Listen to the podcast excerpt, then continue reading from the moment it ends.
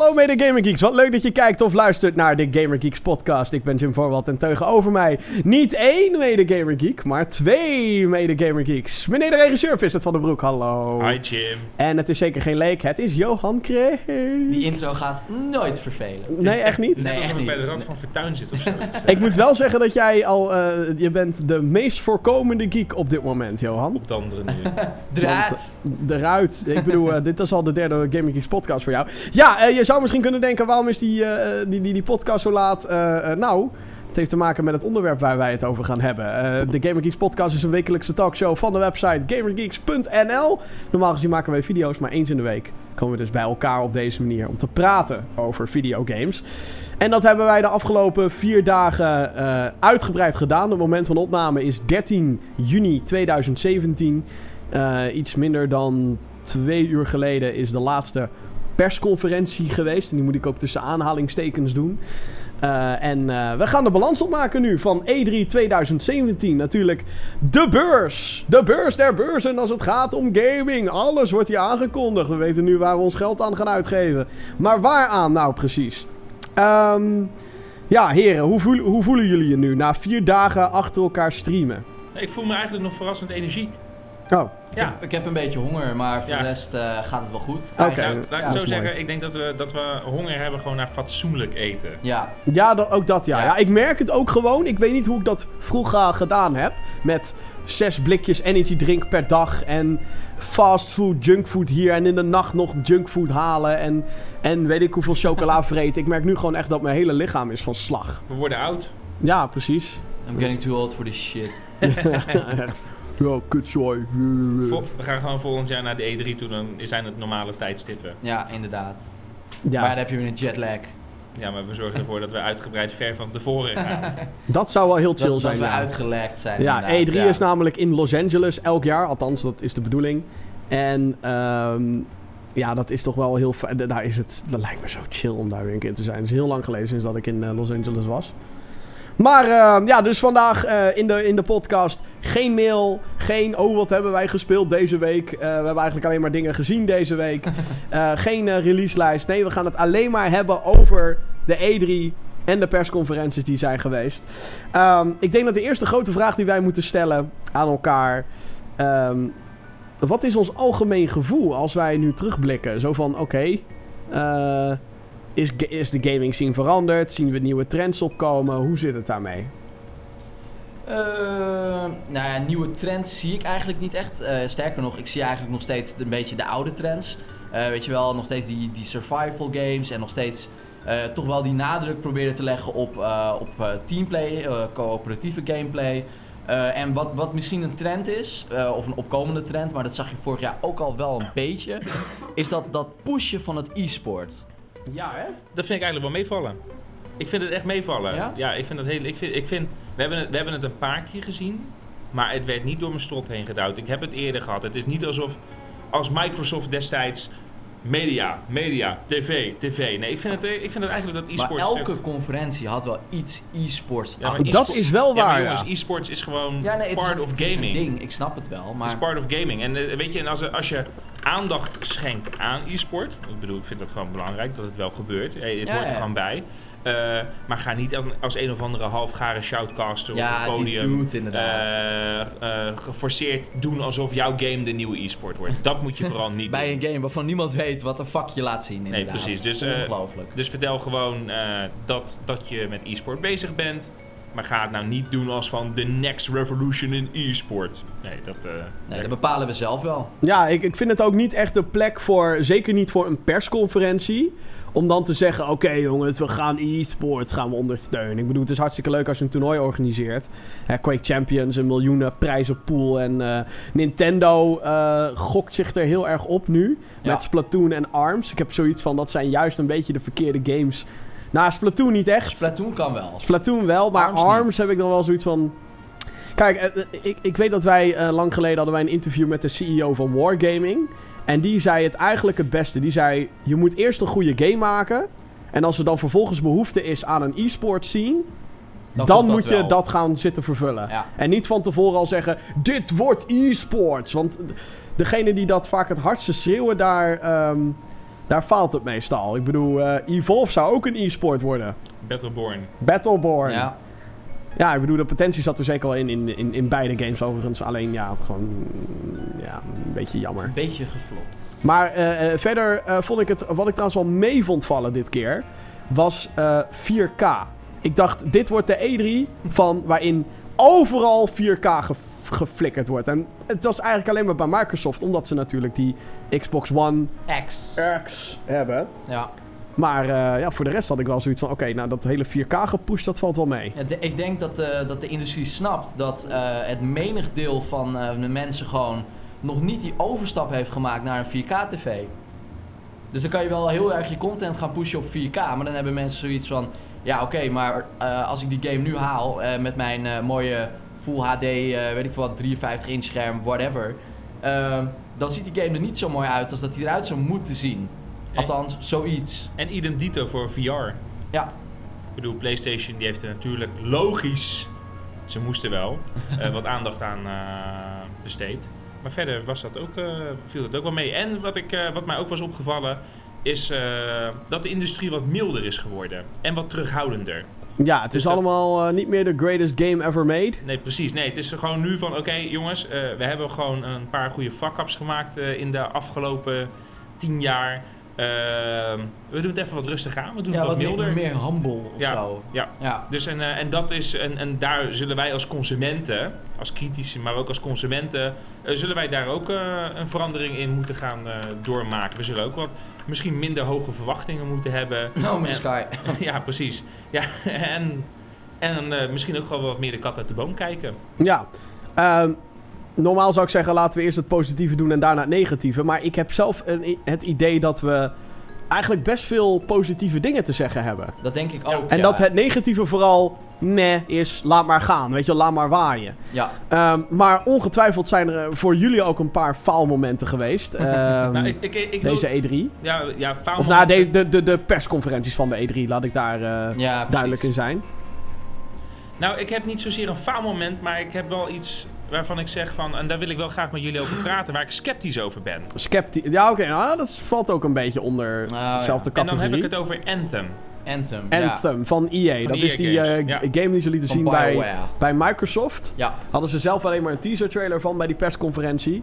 Eh, dat, dat is nou een van die games waarvan ik zoiets heb van... Ja, eh, Care.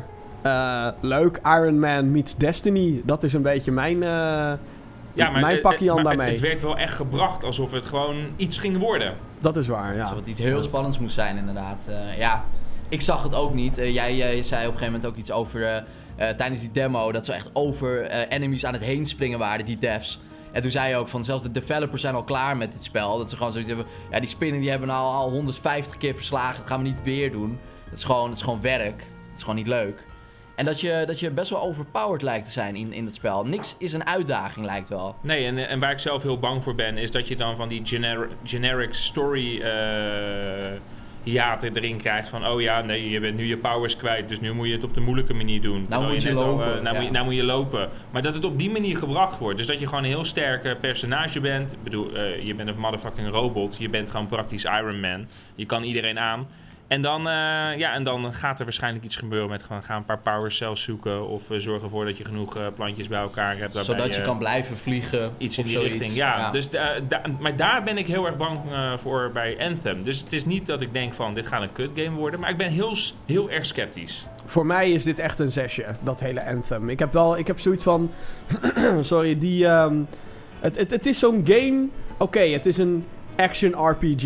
Joepie, hoe fucking veel hebben we er daar nou inmiddels van? En was deze... Ja, het zag er wel mooi uit, maar had, had deze wereld iets waarvan je zegt... Ho, dit moet ik Nee. absoluut gaan spelen. Ja, Nee. De eerste, de, eerste 20 seconden. Ja, ja. De eerste 20 seconden waren Die echt dat ik- first-person eh, stuk met die met, ja, met, met, dat met, met, die, met, met, met, met die soort van eh, Horizon Zero Dawn voeten robot die ja, zo op ja, het ja, marktplaatje... Ja, inderdaad, dat eh, Arabische marktplaatsje of zo. dat- ja. de eerste 20 seconden dacht ik even van, oh, dit gaat tof worden.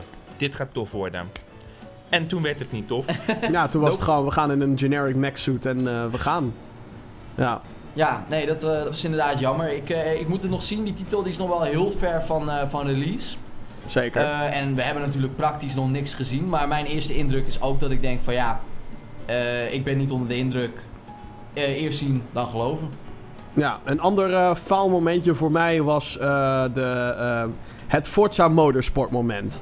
Het obvious, oh god, we worden gesponsord door Porsche. Eh, Forza Motorsport heeft weer een of andere fucking wagen. Ehm, het, het was een van die... Ik bedoel, we, we krijgen steeds minder celebrities op podia bij E3. Ze Ja. zijn er nog wel. Hè? Ubisoft heeft een momentje daar, eh, Just Dance 2018, BB Rexa. pff.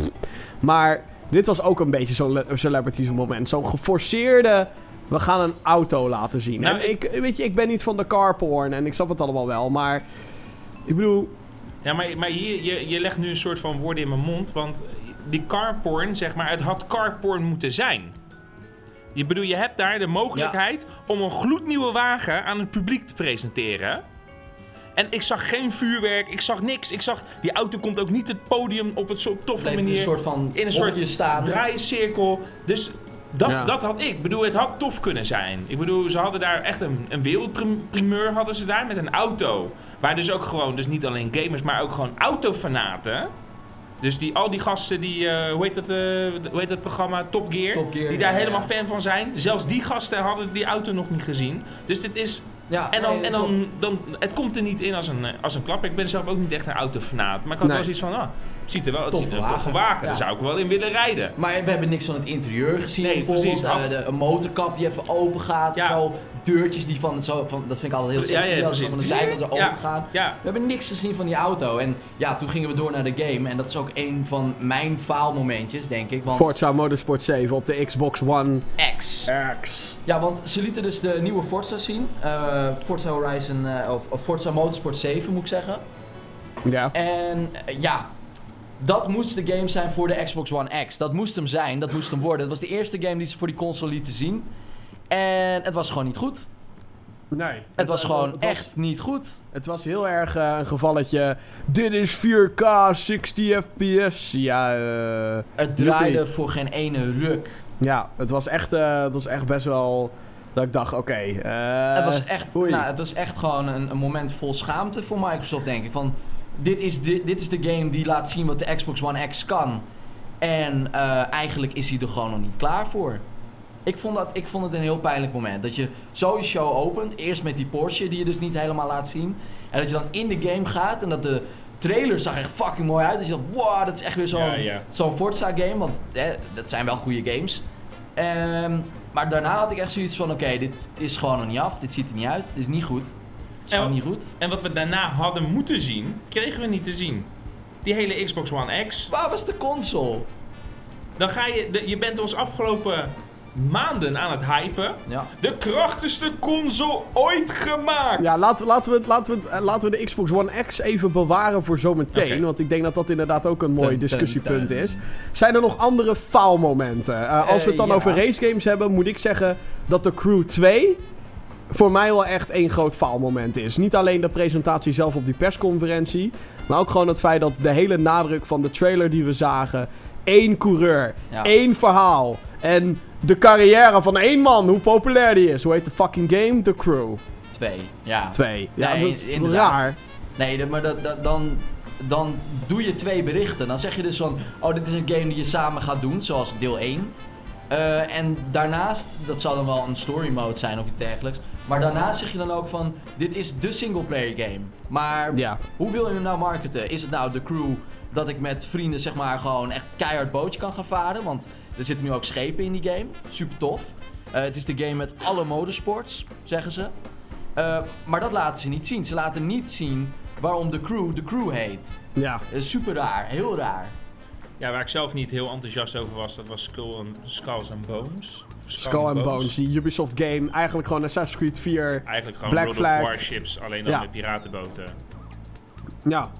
Ja, ik, eh, ik weet het ook niet wat dat, Ik- eh, wat- wat dat moet worden. Ik dacht, ik hoopte, hè, ik dacht eerst dat het een dikke middelvinger ging worden naar Sea of Thieves. Ja, ja, ja. Ik dacht van, Dat dacht iedereen. oh shit, Ubisoft die gaat nu gewoon even, gewoon, en, en dan komen ze eind dit jaar, iets in die richting, gewoon, om gewoon heel in te spelen op die Sea of, Ja. Thieves, hype, sea of Thieves hype. Maar dat deden ze helaas niet. Nee, dit was gewoon eh 5 versus 5 in je bootje. ja. En niet, niet de game waar ik op hoopte. Niet, eh, zoals Jeroen terecht al eh, opmerkte, van niet dat jij de kanonnen gaat besturen, eh, jij bestuurt de boot, eh, jij eh, moet die kanonnen laden.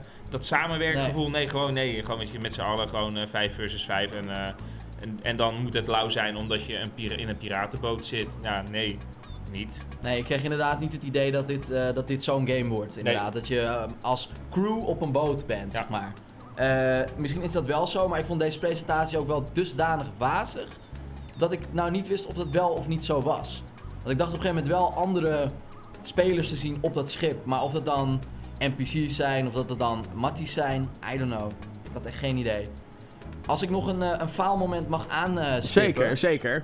eh, ik ben niet zo tevreden over het eh, segment PlayStation VR. Oh, Nee. ik vind dat, vond het al heel verrassend dat er überhaupt een segment was voor PlayStation VR. Eh, nou ja, dat, dat, moesten wel. dat moest echt. ja, dat is waar. Ja, als ze dat Maar niet hadden gedaan, dan was het echt schandalig. Eh, ja, en wat ze lieten zien, eh, nou ja, hè, er zijn in ieder geval studio's bezig met die games te maken. Want een x, x aantal eh, duizenden mensen hebben die, eh, die helm gekocht. En die willen spellen spelen. En die zijn er op dit moment gewoon niet. Eh, maar de games die ze lieten zien, eh, die werden niet voldoende eh, uitgelegd. Ik ben het met je eens. En, maar, ook, Wat doe je nou in die games? maar ook, zeg maar, ook niet als, het ook weer als een soort niet volwaardige game. Meer als een soort, soort gimmick. Tech demo weer. Ja, eh, precies. ja. Te, veel, te veel tech demo's. Gewoon, ja, dat ik echt dacht van... En waar zijn zeg maar de, de echte Sony-studio's in dit verhaal? Waar, waar, waar is bijvoorbeeld een Naughty Dog die met een heel klein team iets aan het doen is? Of, of een Sucker Punch die niks heeft laten zien eh, deze E3? Waarom zijn zij niet bezig met, eh, met, met een VR-game? En waar de fuck was is Media. Molecule met Dreams Ja, dat is logisch. Die gasten die zijn gewoon met andere dingen bezig. En die zien VR gewoon nog niet. Zitten? Nou, dat ik bedoel, gewoon sterker nog, we hadden natuurlijk die Gorilla Cambridge, die Londen, eh, of eh, de stu- eh, Londen hoor mij nou, de studio in Cambridge, die Ja, ja. i- hiervoor een eh, Killzone Mercenary gemaakt hebben, voor de Vita. Die zijn vervolgens op een, eh, hè, dus dan heb je al een studio die maakt dan een game voor een Vita. Nou, dat was niet een systeem die, ik vond het te gek hoor, die Vita. En die Killzone Mercenary die ze gemaakt hadden, was te gek. Alleen niet heel veel mensen hebben dat ding nou helemaal gekocht. Nee. Eh, vervolgens wordt die studio op een VR-game gezet. Een 60 euro VR-game, Rix. En ja, vervolgens verkoopt dat niet heel veel en wordt die studio gesloten. Dus ik denk dat heel veel mensen daarnaar kijken. En dan denken, oei, dat willen we toch liever niet. eh. Nee, maar het is toch ook, dat is toch ook logisch? Ik vind het ook best wel veel. 60 euro. Voor, voor een game waarin je eh, eigenlijk alleen maar met, ook tegen, met elkaar aan het strijden bent. Op een totaal nieuw type platform. Met een totaal nieuwe ervaring. Dat, Ja. moet, gewoon, dat moet gewoon veel goedkoper. Kijk, bij Resident Evil, bij Resident Evil 7, kijk, ik heb er helaas nog geen, niet het genoegen gehad om hem in VR te spelen. Maar dan heb je dus een game die je koopt, die je gewoon kan spelen. Maar die je ook in VR kan spelen. En Ja, daar zit gek. een toevoeging in. Ja. Ja. Dat is een En toevoeging. daar, daar ligt de kans ook. En Daarom- dan mag je 60 euro vragen. Maar daarom snap ik ook niet waarom Trackmania Turbo nog steeds die fucking VR-patch nog niet heeft gekregen. Gaat die ooit nog komen? Ik denk het niet. Word je niet kotsmisselijk dan? Nou ja, ik moet zeggen, ik, eh, ik, ik, had, ik had dat toen gespeeld in eh, Project Morpheus, toen het nog zo heette. En ja, het, is, eh, ik, het was toen vooral heel ongewennig natuurlijk, want je denkt, wat de fuck gebeurt er allemaal? Maar ik zat wel achteraf zo van, oké, dat was te gek. En het is niet zo dat ik instant misselijk werd. Wat ik wel heb gehad bij andere eh racegames die minder goed waren geïmplementeerd met VR. Ehm, dus in die zin werkte dat wel goed. En dat was toen nog, toen het nog Project Morpheus heette. Dus dat was echt een prototype eh, dingetje. Ja. Dus ja, ik snap niet waarom ze dat dan niet hebben geïmplementeerd. Waar ik zelf wel blij mee ben, is dat er eh, geen eh, upgrade van de PlayStation VR is aangekondigd. Ja, daar was jij heel erg Daar bang was voor. ik, was ik heel erg bang voor. Ehm, en, Was dat, en, wat betekent dat? Want er is inderdaad niet heel veel interessante dingen voor VR eh eh, geshowcased. Nope. Eh, daardoor zullen de prijzen op Marktplaats gaan dalen. Ja. En eh, kan ik me misschien binnen nu en een maand de gelukkige eigenaar Maar ook echt van het enige wat we... VR eh, Het, noemen. het enige wat we naast eh, PlayStation ook hebben gezien op VR als het gaat om de persconferenties is die ene vage game of die trailer van Ubisoft met Elijah Wood. Ja, Met die, eh, hoe heette het ook alweer joh? Eh, Transference heette het. ja, transference inderdaad. Ja. En dat gaat dan over uploaden van breindata. Je zag alleen maar Het, le- het, het, het- het- allemaal vage scènes. beetje, het deed me een beetje denken aan Her Story, heette dat? eh, dat ja, ja, ja, Ja, oh ja, die, dat eh, met die met die detective. eh, Ja, ja, ja. Vond ik een kut game trouwens. Oh, Dat is duidelijk. wel interessant. Oh, oké. Kwam er niet doorheen. Nee, ik heb hem ook niet uitgespeeld, maar het hele idee is ja, dat het, je met i- echte het idee is personages heel speelt interessant, zo. maar Dat- ik had niet het idee dat ik echt een game aan het spelen was. Nee, maar je hebt ook niet heel veel hoeven neer te duilen. game. Hey, Humble Bundle. ik eh, wil als faalmoment toch nog even aankaarten ehm, de, de, de trailers van Nintendo. Ja. Ja. Hoe moet je geen trailer maken? En eh, mensen zeggen, ah joh, het is maar een trailer. Maar de manier hoe je zo'n eh, zo'n game neerzet is ontzettend belangrijk. Het is, de kaft, indruk. het is de kaft van een boek. Ja. Ja. En het is, het, is- nou, ik bedoel, met de trailers van Kirby, van Yoshi, van Xenoblade Chronicles, van Fire Emblem Warriors, het was allemaal fucking boring. Het is net alsof ze gewoon eh, de eh, recordknop hebben ingedrukt. Gewoon gameplay hebben opgenomen en gewoon stukjes gameplay enigszins hebben versneden. En toen hebben we gezegd van oké, exporteren. Nee, en toen vergeten bij het exporteren de geluidslaag aan te zetten. En Ja, dat ook, ja. ook dat ja, nog. ja. En, en dat waren de Zelfs een trailers. Gamer Geeks review heeft nog meer lagen, verdomme. ja. ja. Ja. Ja. Ja. Nee, maar eh, gewoon... Zij hebben, zij hebben natuurlijk wel iets wat ze moeten laten zien. Want die Switch doet het heel goed.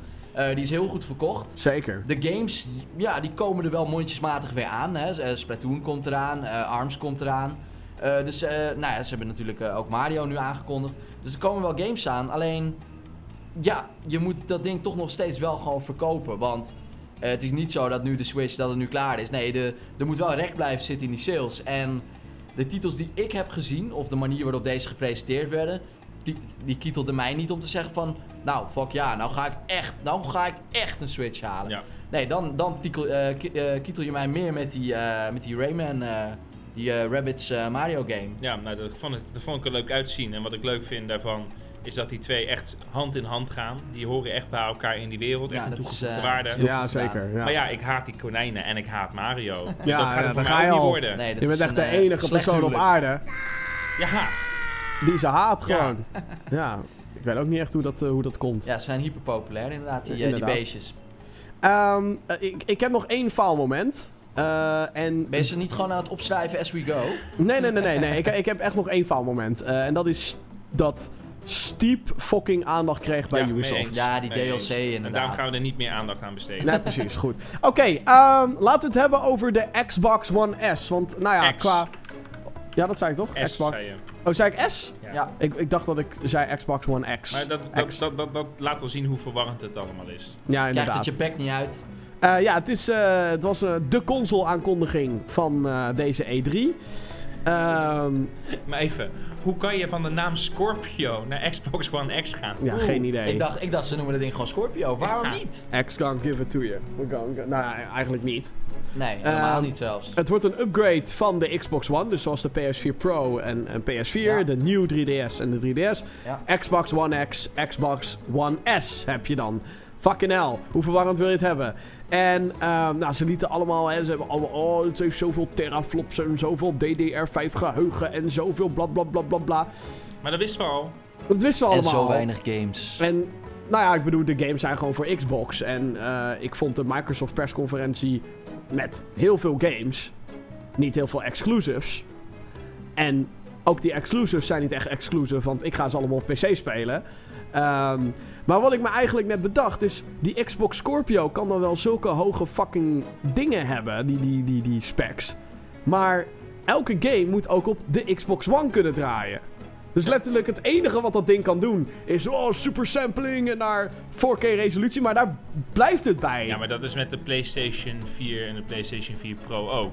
Maar datgene wat ik zag, dus dan puur wat ik zag, Ja. dan heb ik ook zoiets van... Is dit wat die Xbox One X aan kan? En dan 500 euro, hè jongens. 500, 500 euro. 500 euro. Niemand... Nee. Nou, gewoon... Ja, ik durf gewoon te zeggen dat er heel weinig mensen in Nederland... In Nederland Gaan sowieso. hiervoor. Ja, maar het is gewoon weer het probleem. Ze hebben gewoon niet... Ze hebben gewoon niet die titels laten zien. Ze hebben heel veel titels laten zien die er eigenlijk al lang hadden moeten zijn. Eh, sea of Thieves, Crackdown, Ashen. eh, nou ja, de, de list goes on. En Zeker. eh, ook geen... Dat ik denk van, nou, je hebt nou echt een nieuwe titel aangekondigd voor die, voor die Xbox One X. Nee, Ik nou, nou, nou, hoeven- nou het niet per se nieuwe titels te zijn of zo. Ja, voor mij Maar wel. ik heb wel zoiets van: oké, als, als, als niemand mij had verteld dat aan het begin van de conferentie de Xbox One X had aangekondigd, Ja, dan had ik het niet geweten. Had ik gewoon zoiets van: oké, dit zijn gewoon mooi uitziende Xbox games. la- laat, ik- het anders eh, brengen, Jim. Jij hebt geen PlayStation 4 Pro. Of jij hebt geen PlayStation 4, geen PlayStation 4 Pro. Ja. Vorig jaar op de E3 zie jij Horizon Zero Dawn. Ja, de- Waar wil je dat op gaan spelen? Op de PC.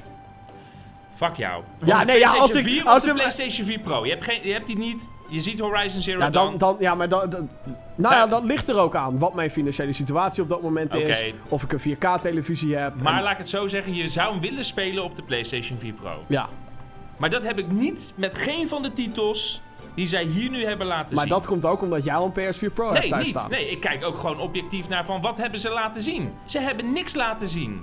Nee, het was, Nee, maar eh, ook, maar ook gewoon goed. met de kennis. Althans, dat is bij mij dan weer echt het geval. Met de kennis dat alles is op de PC. Alles. Ja? Dus als je dan nog een game wil spelen, nou fuck it, dan speel ik hem op Windows 10. En dan kan je beter die 500 euro in een goede grafische kaart steken. Ja, nou voor, voor mij wel ja. Althans, ja, ik weet dat ik een beetje, oh, PC is de shit, maar Maar Ja. dan, dan is dat toch het probleem? dat is zeker een probleem. Er, maar, er komt niks exclusief naar het apparaat, dus je hebt gewoon nul reden om dat ding aan te Ja. schaffen. En het probleem natuurlijk nu, nou ja, ik bedoel, ik, ik kan me zo voorstellen, en dat is voor heel veel mensen natuurlijk het geval, en dat is gemak. Je wilt gewoon, hè, eh, eh, Daarom neem je een console inderdaad. Luister, de voor enige, de enige reden voor mij om dat te halen, ik ga het niet doen, want het is te veel geld, is vanwege dat het een, eh, een 4K eh, eh, Blu-ray speler heeft. Ja, oh En ja, dat, ja, ik dan dat gewoon een- dat ik dan gewoon een, op mijn 4K-tv die shit in HDR kan zien, want het heeft Maar- HDR-ondersteuning. Dat is het mooie, de Xbox One S heeft ook een 4K Blu-ray speler. En die is nu natuurlijk dik vet in de aanbieding Ja, voor dikke 230 euro met twee controllers, een game en drie maanden Xbox Live Gold. Omdat ze aan de En ik moet zeggen- zijn. Heel stiekem zeggen, ook al weet ik dat ik al die fucking games op Windows 10 ga spelen, als het toch crossplay is, het kietelt wel. Want het is crossplay. Je kan het gewoon naar Windows 10 en naar Xbox.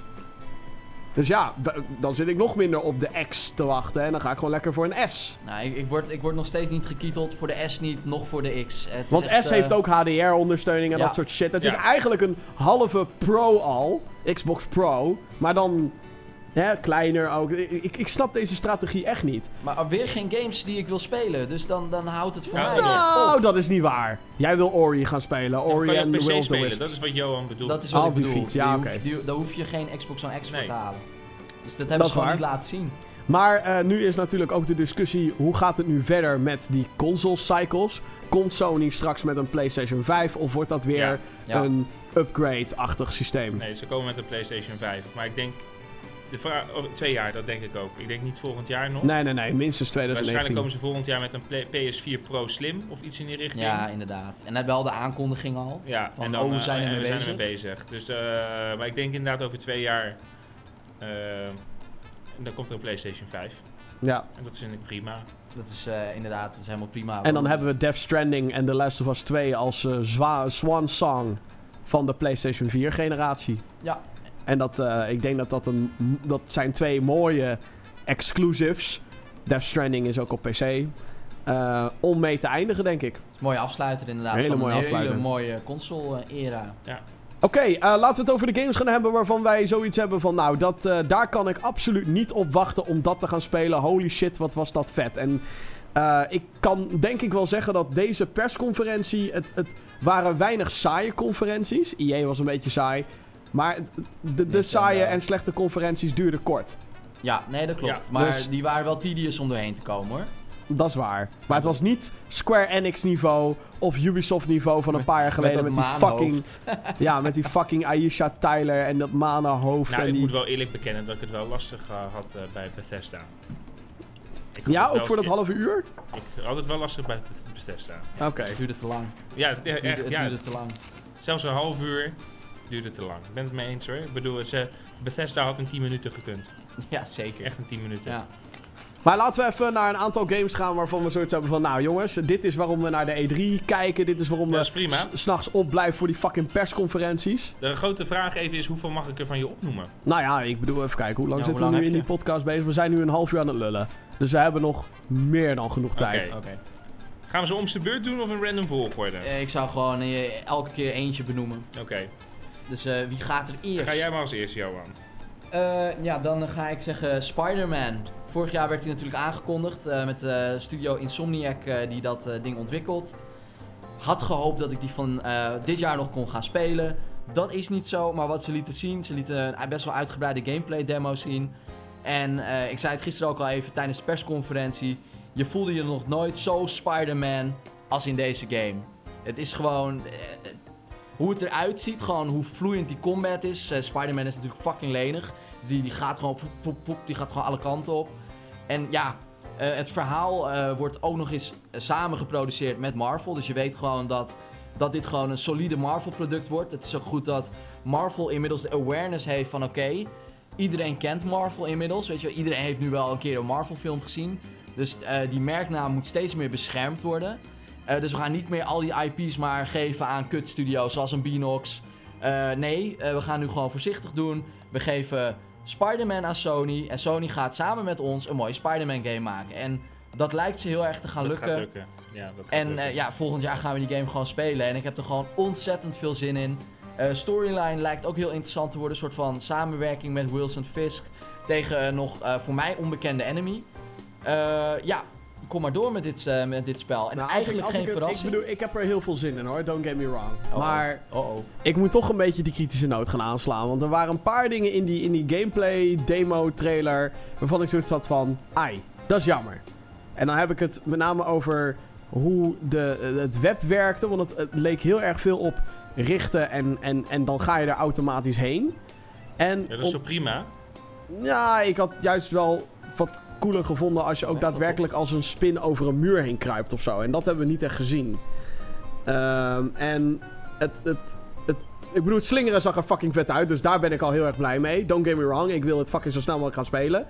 Maar er waren wel heel veel quicktime events. En daar maak ik me wel ik, ik zorgen vond het over. wel meevallen. Althans, laat ik zo zeggen, ik, ik, ik, het, was, het was niet alsof ik nu kruisje, nu rondje, nu driehoekje, nu vierkantje. Nee, gewoon ik hoefde één keer kruisje te drukken en hij bukt. Voor mijn gevoel was het in lijn met, met wat we zagen qua gameplay. Eh, ik, we zagen inderdaad op een gegeven moment wel heel veel quicktime events. Eh, alleen, eh, nou, ik ben natuurlijk geen game designer, dus eh, dat sowieso gezegd hebbende.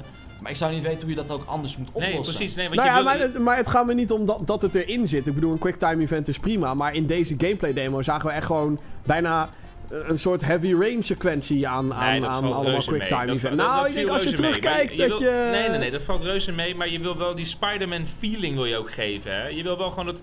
Ik bedoel, er zijn nou gewoon eenmaal moves die je, die je niet anders kan laten zien. Ja, en dan sneller liever... naar de grond. Zo, Precies. En dan, wil, en dan wil je gewoon liever een quicktime event...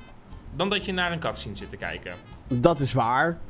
Maar alsnog, ik vond het iets te veel. Ik vond het iets too much. Ja, dat kan. Maar verder, fucking vet. verder fucking vet Hype. hoor. Eh, ik bedoel, eindelijk, een, een- dit, dit lijkt gewoon weer een goede fucking Spider-Man game te worden. En god, wat had ik daar behoefte aan als eh, toch It's wel. Spider-Man fan. Ja, toch? Ja, zeker. Waar, waar ik wel zelf heel erg benieuwd naar ben... en dat is...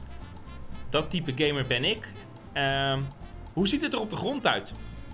Kan ik, kan ik die winkeltjes in? ja, inderdaad. kan ik die, eh, vigilante missions, dat dus soort hoe, Ja. ziet, hoe ziet de grond eruit? Want ik vind het prima om door zo'n stad heen te gaan. Maar als die bodem niet klopt, Als die leeg is. als die leeg Ja, is en er hem. gebeurt niks, dan is het voor mij klaar. Ik Dan- wil eigenlijk ook gewoon weten wat je in die open world kan doen. Want Ja. we hebben natuurlijk Ja, die, precies, eh, ja. in die oudere Spider-Man games, met My name balloon! Spider-Man 2. My balloon! En dat je dan van die pizza's moest bezorgen, gebaseerd Ja. op die scène uit Spider-Man 2, weet je Ja, wel. Dat soort... ja, ja, ja. Ik hoop ook gewoon dat dat soort onnuttige ja, maar dat onzin er moet. Die zit. dingen die moeten. Want als die bodem, nogmaals, als die bodem niet compleet is, dan gaat je hele immersie gaat weg. Dan is je hele ervaring weg. Het is allemaal prima dat die gebouwen hoog zijn en dat je het gevoel hebt alsof je door een bos heen aan het klauteren bent. Dat is mega vet. Dat ziet er super tof uit. Maar als die bodem dood is, ja, waar, wat, wat- waarom ga ik dit dan spelen? Want dan kan ik net zo goed gewoon in een bos eh, aan touwen gaan, eh, gaan slingeren. Dus Ja. ik moet echt het gevoel hebben alsof ik in Het een moet stad een levendige wereld worden, Ja. inderdaad. Een levendig New York. En dat, eh, daar heb ik op zich wel vertrouwen in. Maar daar hebben we niks van gezien, dus dat is een, eh, een terechte vraag. 2018, Spider-Man. En eh, een, een game die ik er graag even in wil gooien. Was van de eerste conferentie die we gezien hadden. Eh, nee, niet Star Wars. Oh, ik weet welke. maar die andere eh, Ja. van EA, A Way Out. Ja, Jongens, dat lijkt me echt te gek. Het is een. eh, nou, iedereen noemt het, noemt het eigenlijk al Prison Break The Game. maar dan de goede. Maar dan niet daadwerkelijk gebaseerd op een televisieserie. Je speelt als een van twee gebroeders. Maar of ze nou echt broers zijn of gewoon. Yo-yo, Ik denk brother from another broers zijn. mother. Nee, ik denk dat ze broers Oké, nou ja, Michael. broers in, in de cel. En eh, je moet een soort van samen gaan werken om uit die, die gevangenis te kunnen ontsnappen. Dus eentje moet dan bijvoorbeeld een wachter afleiden terwijl de andere door een tunneltje heen kruipt. Ja, dat hoop je dat het gaat worden, maar dat gaat het Ja. niet worden. Het Nou ja, het dat leek weet wel je niet. asynchrone gameplay, inderdaad. Dat de een het ander doet, waardoor jij, zeg maar, waar voor jou, voor jou de weg vrij wordt gemaakt om dan zo verder te kunnen Ja, sneaken. maar wa- waar ik heel erg bang voor ben, die game ziet er super tof uit en ik ga hem spelen, met ongetwijfeld met een van jullie. Maar dat we binnen een half uur uit die gevangenis zijn. En, En- dan en gaat, dan? En, dan, en dan zit je gewoon in de open wereld. En dan is het net als met Prison Break. Dat als ze eenmaal uit die gevangenis zijn en ze gaan alleen maar op de vlucht en ze moeten alleen maar... Dan wordt het saai. Dat, eh, daar ben ik heel erg bang voor. Ik, ben, ik heb heel veel vertrouwen in de makers. Want eh, het zijn de makers van Brothers. Of, of, het- het Ja, Tale of, Brothers, eh, A Tale of Two Sons. Ja, Ja, het is een ontzettend, eh, ontzettend goede, goede videogame. die moet ik nog steeds Die spelen. moet je echt spelen, die is echt ontzettend goed. Dus ik heb heel veel vertrouwen in het verhaal. Ehm, dus ik, eh, ik ga dit sowieso ga ik dit spelen. Dus Alleen ja, Maar ik, ik, ik heb eigenlijk Ja, aan dat, dat, dat stuk dat ze uit die gevangenis zijn. Eh, dat deed me heel erg denken aan, en ik ben daar ook niet de enige in, aan Uncharted 4. Ja, dat hoe klopt. Nathan en Ja. zijn broer, Ja, zeg maar, ook een beetje constant op de vlucht zijn eigenlijk. Van eh, mercenaries en de bad guys in Uncharted en ja, dat soort dingen. En ja, lichte spoiler voor Uncharted 4, maar daar zit ook een scène waarin eh, een personage nog in een gevangenis zit en dat moet dan ook uitgebroken worden. ja, maar, Dus- maar hoe vet is het als, als je gewoon een videogame hebt. En dat is dit niet. En dat mag ik ook niet meer verwachten, want dat hebben ze laten zien dat het niet is. Maar gewoon een game waarbij je in de gevangenis zit, een soort escape room. En het enige wat jouw taak is, is om uit die gevangenis te, te, ja, ja, ja, komen. ja, ja, ja, ja, ja. Nou, ik, volgens mij was er een, een, een Tweede Wereldoorlog game dat je in zo'n Duits kamp zat en daar moest ontsnappen. Maar dat is echt PlayStation 2 generatie hoor. Dan is echt eh, even in, die, eh, in, die, in, die, eh, in het verleden duiken. Maar eh, ja, A Way Out. Daar, dat is er wel eentje, ook omdat het een EA Original was. Hun, een zogenaamde indie showcase die er eigenlijk Ja. niet uitzag als een typische indie game. Het was geen artsy game. Het, het is gewoon... Het ziet er... eh, ja, niet dat het ook revolutionair uitziet of zo, maar... Gewoon een, een, een game met een tof idee. Ja, zeker. Ja, die, staat ook, eh, die heb ik ook op mijn lijstje gezet. Ja. Die En deze die games- van. Deze games staan ook allemaal tot nu toe op mijn lijstje. En de game waarvan ik zeker weet dat hij ook op Johans lijstje staat. en ongetwijfeld ook op die van Jim. Shadow of the Colossus. Shadow of the Colossus, Oh, de deze wil ik remake. spelen! Deze wil ik spelen. Eindelijk heb ik weer ehm, de mogelijkheid, en ik meen het, de mogelijkheid om dit spel te gaan proberen. Ik heb het altijd in de winkel zien liggen en altijd het gevoel van, oh shit, dit lijkt wel echt op Zelda, dit moet ik gaan spelen. Maar ik was Zelda fanboy, dus ik ging het niet spelen. En op den duur was die game er niet meer. Die was er gewoon niet meer. Was PlayStation 2 dit toch? Ja, hij is ook nog naar de PlayStation- PS3 gekomen. ook in nog een soort van eh, PlayStation 3? remaster. Ja. Ja. dat heb ik gemist, helaas. want anders had ik hem zeker gehaald. En nou in één keer krijg Een ik de remake. mogelijkheid om dit spel gewoon in fucking toffe graphics, lekker op mijn 4K TV op mijn PlayStation Pro Maar te het is echt alsof ze die, die, die serie weer eh, willen Ja, maar- terugbrengen ja, maar op, wel. op de omgekeerde manier. Want Last Guardian is eindelijk uit na 80 jaar. Nou, ik Ja. vond hem niet goed. Nee, maar Eh, daarom, daarom komen ze nu met dit spel. Ze Ja. willen Ja. gewoon laten zien van jongens, we kunnen gewoon videogames maken en ze zien er fucking tof uit. En het kan binnen twee jaar. Precies, ja. En eh, ik denk, ik- het zou me niet verbazen als hierna, misschien niet meteen, maar dan nou, een paar jaar wachten en dan een Ico remake daarna. Ik weet niet in hoeverre daar interesse in is. ik heb die game ook nooit gespeeld. Ja, of ja, inderdaad. Shadow of the Colossus. het vervolg. Colossus is, is, is, is. The, the Last Guardian of the Colossus. Light of the Colossus. The Last Guardian of Ico en de Colossus en de, de, de, de dinges. Nee, maar echt super tof dat ze deze inderdaad hebben aangekondigd. En eh, ook gewoon echt, echt een verrassing. Echt ik bedoel, niemand had dit verwacht. De grootste Nee. verrassing van de E E3. Eh, ja, ja. Voor mij wel, ja. Voor mij ook. Zeker. Johan, wat eh, heb jij eh, nog als aanrader waarvan jij zegt... Take my bloody money. Nou, ja, dat was, eh, dat was een eh, game waarvan eigenlijk eh, aanvankelijk gezegd werd dat we hem daar niet moesten verwachten. Dat was bij Ubisoft. Ah, Namelijk Beyond Good and Evil 2. Fuck, fuck, fuck, fuck, fuck, fuck, fuck, En ze starten gewoon, ze starten gewoon een, een, een filmpje in een cinematic. En ik zat te kijken en het duurde niet heel lang voordat ik dacht... Oké, dit character design, het zal toch niet... En toen dacht ik van ja, oké, maar wat is dan de, de soort van connectie met het origineel? Want dat zag ik helemaal niet. Ik zag niet meer die personages. Ik zag wel een varken. En in het vorige deel heb je dan ook een varken. En die neemt jou een soort van onder, onder zijn hoede. Eh, dus ik dacht, oké, dat design dat komt wel enigszins overeen. Voor zover dat kan met PS4 en PS2. Maar en, en toen bleek het gewoon zo te zijn. Je was een soort van scheldende chimpansee. En je. in. Ja, inderdaad. In een of andere futuristische, vette wereld. Super tof. En het was gewoon Beyond, Beyond Good and Evil 2. Alleen Maar- het lijkt dus dat ze al die ideeën die ze hadden voor Beyond Good and Evil 2. Want er is al een paar keer wat gedropt en gelekt. En dat was wel met, eh, met, eh, met Jade. En het lijkt er dus op dat eh, dat hele personage gewoon gedropt is. Dat ze wel de naam gebruiken, maar dat ze gewoon opnieuw beginnen. Oké, ik heb deel 1 dus nog niet gespeeld. Ik eh, heb geen spoiler gegeven, behalve het hoofdpersonage. Waarom hebben 14, of mensen hier 14 jaar op zitten wachten?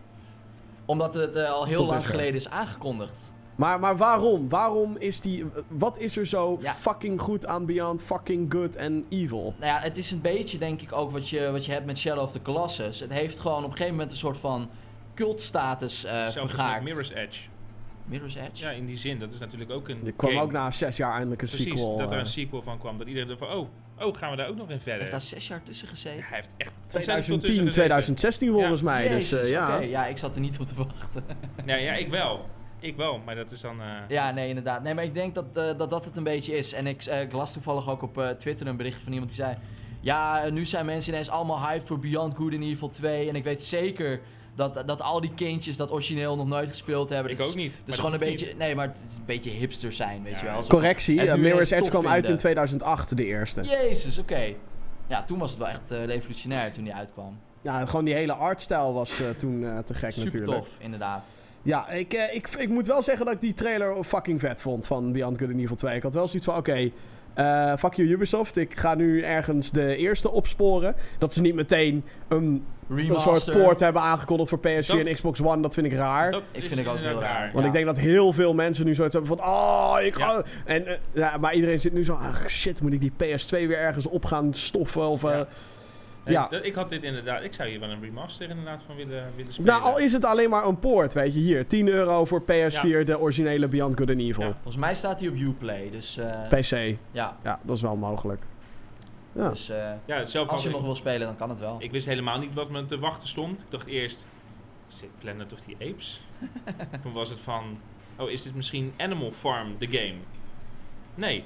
Oh, daar heb ik wel eens iets van gehoord. Dus ik, eh, ja, ik, ben hier wel, eh, ik ben hier wel heel erg blij mee ook. Ja, ik vond het echt een super toffe aankondiging, eh, dit. Ja, ja ik, vond het ook, eh, ik vond het ook helemaal te gek. Ehm, eentje die ik eh, eigenlijk ook nog wel even wil benadrukken. Eh, en dat is misschien een beetje... eh, om, maar dat is vooral omdat ik het echt de tweede kans wil geven. The Evil Within 2. Ik weet niet hoe jullie daarover denken. Ik vond de eerste Evil Within... eh, nou, het is inmiddels ook vier jaar geleden, sinds drie jaar geleden sinds dat ik die gespeeld heb. En ehm, ik vond hem toen een beetje zo'n, oh, een wannabe Resident Evil 4. Eh, Zelfde maker. Dezelfde maker ook inderdaad. Shinji Mikami zit erachter. En die heeft ongetwijfeld wat talent van Capcom meegejat om toen die Evil Within 1 te maken. Alleen, het had zoveel potentie. En nu komt er dan toch een tweede deel. En dan heb ik zoiets van, nou, het zou toch wel tof zijn als, als, als dit dan echt een beetje is wat deel 1 had moeten zijn. Ik vind het terecht dat hij op je lijstje staat. Hij stond niet bij die van mij erop. Maar eh, ik ben hier ook wel benieuwd naar. Alleen, eh, Vette trailer ook. vette trailer, hele Holy vette shit, trailer. ja. echt gewoon een Hideo Kojima-achtig tafereel. Ja. Maar ik heb daar buiten heb ik eigenlijk te weinig gezien ervan. Dat snap ik, ja. Ja, Ja. ik, maar ik heb nu ook zoiets van shit. Ik wil eigenlijk gewoon. Ik hoop dat in die Steam Summer Sale, die er natuurlijk over een paar weken aankomt. Dat die Evil Within 2 daar gewoon weer tussen zit. Of één daar weer tussen zit. Eh, want ik wil die game echt nog een tweede kans geven. Maar dan wil ik dat wel doen op PC. Die fucking zwarte balken weg. Want deel 1 had zeg maar gewoon de helft van je scherm weggehaald door een dikke vette zwarte balk boven. experience. Ja, fuck die shit. En de, de game draaide eigenlijk ook gewoon voor geen meter op PS4. En eh, ja, dat- eh, misschien nu wel hoor. Misschien zijn er inmiddels patches. Maar toen ik hem reviewde in ieder geval niet. En ik heb wel zoiets van... Ja, ik wil wel gewoon weer die... Het is inmiddels ook zo lang geleden... dat ik waarschijnlijk sommige momenten weer soort van opnieuw meemaak. Kun je weer opnieuw schrikken, Jim. Ja. nou, ik zou deze dan wel even naast... eh, ja, ik weet dat Vincent niet zo van PC-gaming is... en zeker niet op de bank en blablabla. Bla, bla, bla. Maar... Ja, ik, denk, ik, ik wil dat wel weer een tweede kans geven... in de vorm van zowel de eerste game als de tweede. Ja, ik denk dat je deze ook eh, prima voor 20 euro ergens op de kop kan tikken voor de PS4. Dus voor jou, eh Finn. Nee, dat, denk, dat Ja. denk ik ook en dat ga ik ook zeker doen. Ik zeg doen. Ehm Zelf, eh, wie is aan de beurt? ik ben aan de beurt. Zelf Ja. heb ik op mijn lijstje een eh, Star Wars Battlefront 2. Yeah, boy! Dit is, Star eh, ja, Wars! Ja, ja, ja. Het gaat weer gebeuren, jongens. We gaan met deze games gaan we gewoon weer lekker massaal met z'n allen. Ja. eh, lekker, lekker vechten, lekker online ten ik, strijde ik, gaan. was, ik was natuurlijk fucking... Eigenlijk een beetje anti-deel Jij 1. was gewoon En dat komt, stubborn. Dat was komt- echt fucking stubborn. dat komt door die fucking kut DLC. Je had gewoon en mee moeten gaan. weinig modes, 90 weinig- Uur, er was 100 bijna uur, niks. Had je samen met mij, mijn vriendin en iedereen die daarmee had kunnen gaan, online ten strijde kunnen trekken.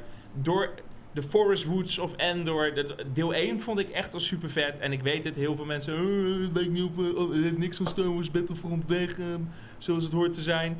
Jongens, het Ja, maar gewoon nu krijgen uit. we Het er tenminste- fucking lauw uit. En nu ziet het er weer opnieuw fucking lauw uit. En nu ik- krijgen we tenminste wat we verdienen. We krijgen een fucking singleplayer campaign. krijgen- ja, we krijgen... precies, ja. En de, alle DLC, eh, dat, dat, dat is Free. overboord gegooid. Dat vind ik heel tof. Daar ben ik heel erg blij mee. Ik heb nu ook wel een beetje de indruk dat, eh, dat ze het ook niet heel erg nauw hebben genomen met de DLC hoor, van Star Wars Battlefront, eh, het eerdere deel. Ik bedoel, ik heb gisteren gekeken en er waren diverse maps die ik ook gewoon kon spelen, die in de DLC eh, zaten. Ik kon ook gewoon eh, alsnog Oké. op de Death Star. Volgens mij was er een free weekend eh, Nou, misschien, deze is, week. misschien is dat het, maar dus dat je dan, dat, Ja. dat je dan toch merkt zeg maar, van, oh weet, weet je, ga gewoon maar spelen. Heeft iedereen het gehad? Ja, Eh, en dat merk je hier ook weer van, ja, fuck jongens, dat hadden we eigenlijk niet moeten doen. Want ze zullen, ze hebben waarschijnlijk een gigantische drop gehad. Ik denk echt dat ze een gigantische drop hebben gehad in aantallen mensen die dat Ja. spel eh, speelden. Absoluut. Ik was daar één van, maar ik had er dan al wel 90, 100 uur had ik, er, eh, had ik erin zitten. Jouw geld was, eh was well ja, het was echt maar. wel spent. Ja. En ehm, gewoon en al die nachten waren ook wel spent. Ja. En het is het.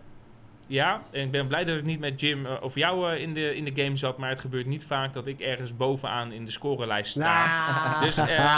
Ja, ik was, eh, ik was ontzettend enthousiast. En wat super tof is, is dat ze nu ook gewoon eh, in, die, in, die in die universe van Star Wars, dat ze die accepteren. We gaan gewoon weer terug naar Naboo. We gaan met die robot designs gaan we, gaan we spelen.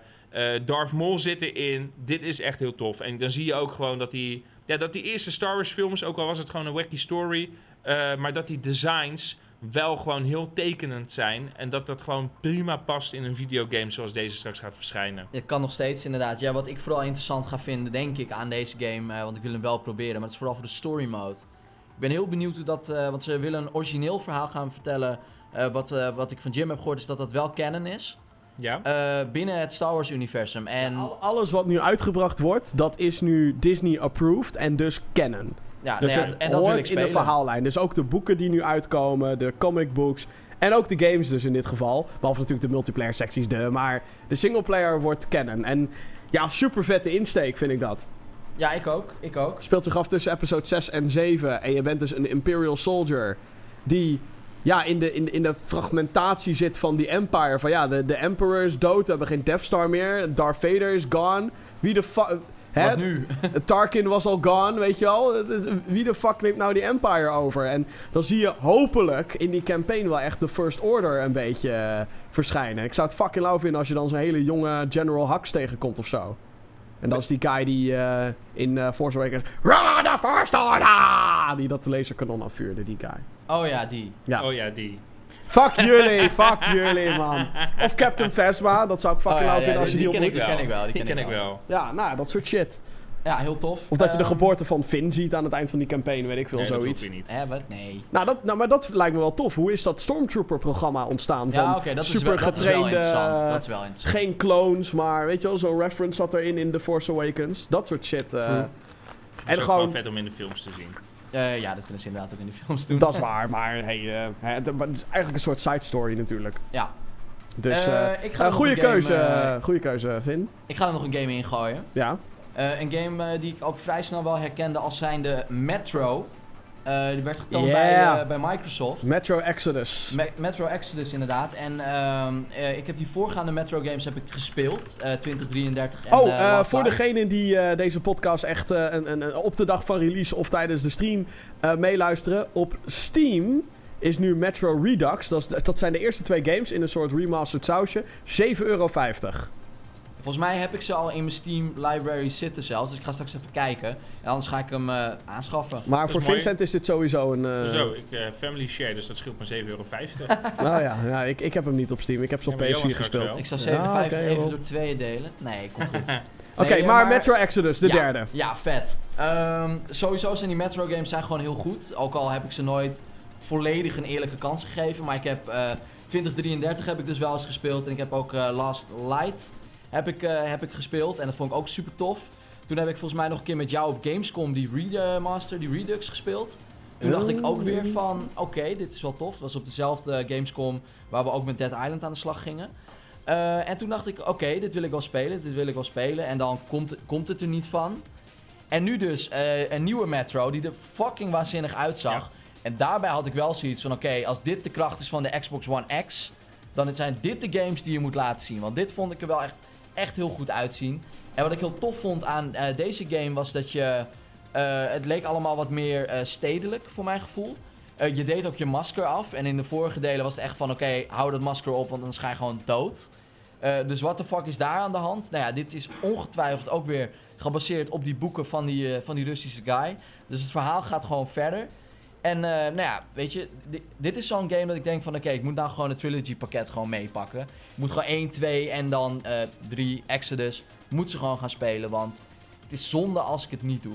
Wat Dus, ik eh, vooral- ik was onder de indruk. Waar ik vooral heel benieuwd naar ben, is inderdaad nu ze veel meer doen met de open wereld. Of althans, je kan naar buiten. Ja, Ik vond het zeg maar al heel knap hoe ze in de eerste twee games eh, een gangenstelsel interessant konden maken. ja die confined spaces inderdaad. En eh, dat als je dan naar buiten ging, en daar ben ik wel een beetje bang voor, want als je dan naar buiten ging, dat was dan uniek. Dan was het van, oh shit. En dan kwam je allemaal ja, van die creatures tegen die we hier ook al in die, in die trailer... Ja, ja, ik noem klopt. het een trailer, want ze zeggen wel dat het gameplay was, maar Ja. dat waren weer van die super smooth Vertical slice. be- bewegingen Ja. dat ik denk, ja, bullshit. Maar whatever. Ehm, ik, daar ben ik wel een beetje bang voor dat de, de, de mysterie van wat daar buiten is gebeurd en wat daar nu gaande is, dat dat misschien een beetje naar de kloten gaat.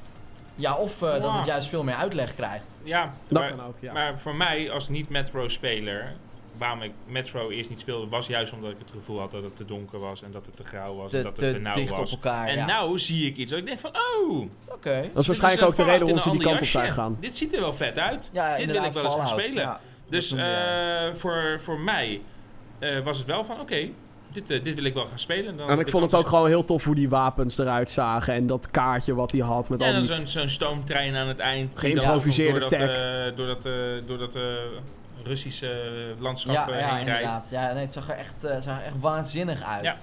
Ja. Eh, even kijken, wie is er aan de beurt? Jij? Oh, Toch? nou dan wil ik toch even een shout-out geven naar Toch? Assassin's Ja, Creed ja. Origins. Oké, nou, dat was je shout-out, Ja, Vincent. doei. Nee, Nou. eh, ja, nee, het, het- ik bedoel, eh, het, weet je, ik ben, ik ben best groot Ass- Assassin's Creed fan, kan je me wel noemen. Sommigen beweren van niet, omdat ik Unity echt een kutspel vond. Maar goed, ja, eh, dat is dat maar was... één van de acht of zo. Hè? Ja, dat was gewoon de zure appel. Ik vond drie vond ik ook minder. Weet je, ik ben, ben er gewoon best kritisch in. Maar ik heb ze wel bijna allemaal uitgespeeld. Ehm, met uitzondering van Rogue. Die soort van. Die kwam samen toen uit met Unity. Maar die was dan alleen voor PS3 en Xbox 360. Die hadden ze toen gewoon meteen voor PC aan moeten brengen. Klootzakken. Maar goed. ehm, die heb ik niet uitgespeeld. Dat is de enige mainline Assassin's Creed game.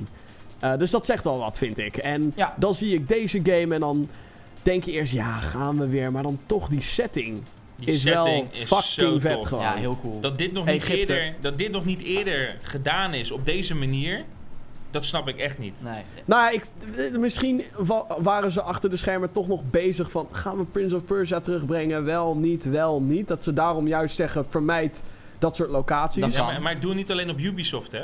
Gewoon waarom, oh, Egypte in het algemeen. Waarom- deze Ja, setting heeft ja, gepakt inderdaad. ooit. Ja, Want ze zijn nu de eerste en dit, dit ziet er zo tof uit.